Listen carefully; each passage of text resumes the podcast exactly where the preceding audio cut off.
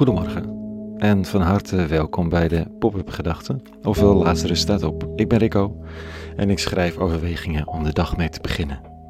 Vandaag met de titel Trek eens een blij gezicht. Pop-up Gedachten dinsdag 25 mei 2021. Het is zo'n opmerking van je moeder. Tenminste, ik meen me dat te herinneren. Erger nog, ik kan me herinneren dat ik het zeg soms tegen mijn kinderen. Als ik inwendig verbolgen ben over het feit dat we toch echt iets leuks gaan doen. En ik twee kids met hyperexpressieve gezichten als oorwormen en armen over elkaar bokkend en nukkend en achteruit bewegend richting de auto duw. Want we gaan toch echt iets leuks doen. Trek eens een blij gezicht.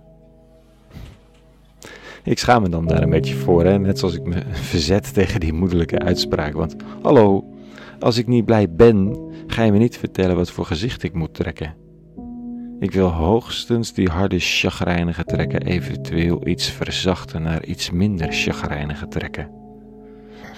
En als ik dan concludeer, eventueel, dat het inderdaad vrij onredelijk is dat ik zo zit te mokken, want het is eigenlijk best wel leuk wat we gaan doen en ik heb er zin in, gun me dan dat ik heel langzaam van super chagrijnig omschakel naar best wel blij.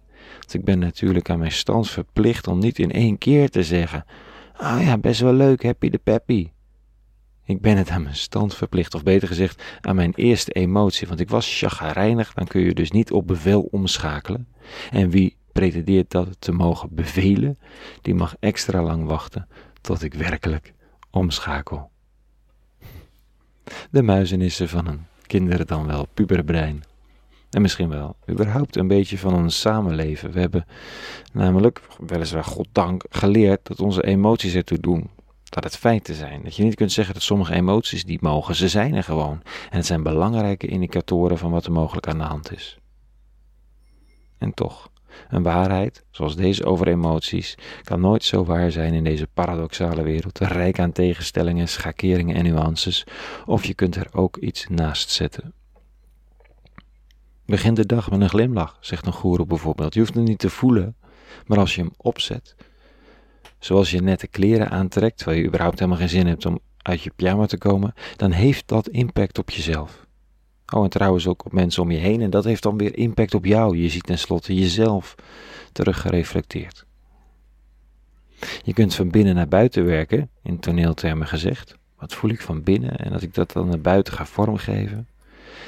Maar er zijn ook regisseurs, en grote ook, die juist van buiten naar binnen werken. Wil je boosheid spelen, knijp dan terwijl, de tekst, terwijl je de tekst zegt heel hard in de tafel. De verbetenheid, probeer maar, de verbetenheid waarmee je dan de tekst naar buiten brengt, klopt perfect en het werkt voor je tekst. Het creëert geloofwaardigheid. Oké, waarom dit alles over emoties vanochtend? Ik lees dit in de teksten vandaag. De lezing uit de katholieke mis.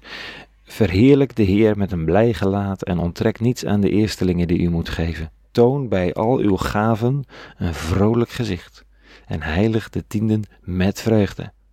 Geef aan de Allerhoogste naar hetgeen Hij u geschonken heeft. Geef met een blij gelaat en naar uw vermogen. Het is derde Pinksterdag vandaag, de viering van de gebeurtenissen die plaatsvonden tijdens het feest, waarbij de eerste vruchten van de oogst net zijn geplukt en er gevierd wordt dat er leven op het land is. Daarvan wordt als een deel naar de tempel gebracht om te offeren en te delen met de priesters en met mensen in nood. En dan zegt dus Jezus sierig, een van de apocryfe wijsheidsboeken, trek een blij gezicht. Net als mijn moeder dat zei, denk ik. En net als ik dat opnieuw tegen mijn kinderen zeg, soms met nauw verholen irritatie. En hier staat dus: geef wat je te delen hebt met de ander. Wat je soms niet zo goed kan missen, maar je weet dat de ander het nodig heeft, dan doe het vrolijk. Deel je tijd met toewijding. Geef je aandacht met liefde en vrolijkheid. Waarom? Waartoe? Is een goede vraag. Het staat er niet. Er is niets meer dan de opdracht. En dan kun je twee dingen doen. Het gewoon proberen, eigenlijk. Of het werkt. Als je het wat vrolijker doet dat weggeven van tijd, geld, eten, wat dan ook. En twee, wat ook kan, is speculeren over het waarom. En als ik dat zou doen, dan zou ik zeggen dat het zo'n ongelooflijk essentieel deel is van christelijke spiritualiteit, dat geven. Dat je elke keer als het je gebeurt, dat je daarin kunt participeren, dat dit je vrolijk zou mogen stemmen. Want dit is wat we doen hier, je naaste liefhebben als jezelf, dat is het. Meer niet, daarin zit, in elk geval volgens Paulus, het God liefhebben boven alles, verborgen en opgenomen. Maar goed, zo'n reden is de speculatie. Sommige van deze teksten moet je gewoon doen om te ontdekken hoe het werkt. Trek een blij gezicht bij het delen en geven en zie maar wat het brengt. Voor als je benieuwd bent naar de betekenis van zo'n tekst, is dat een prima experiment.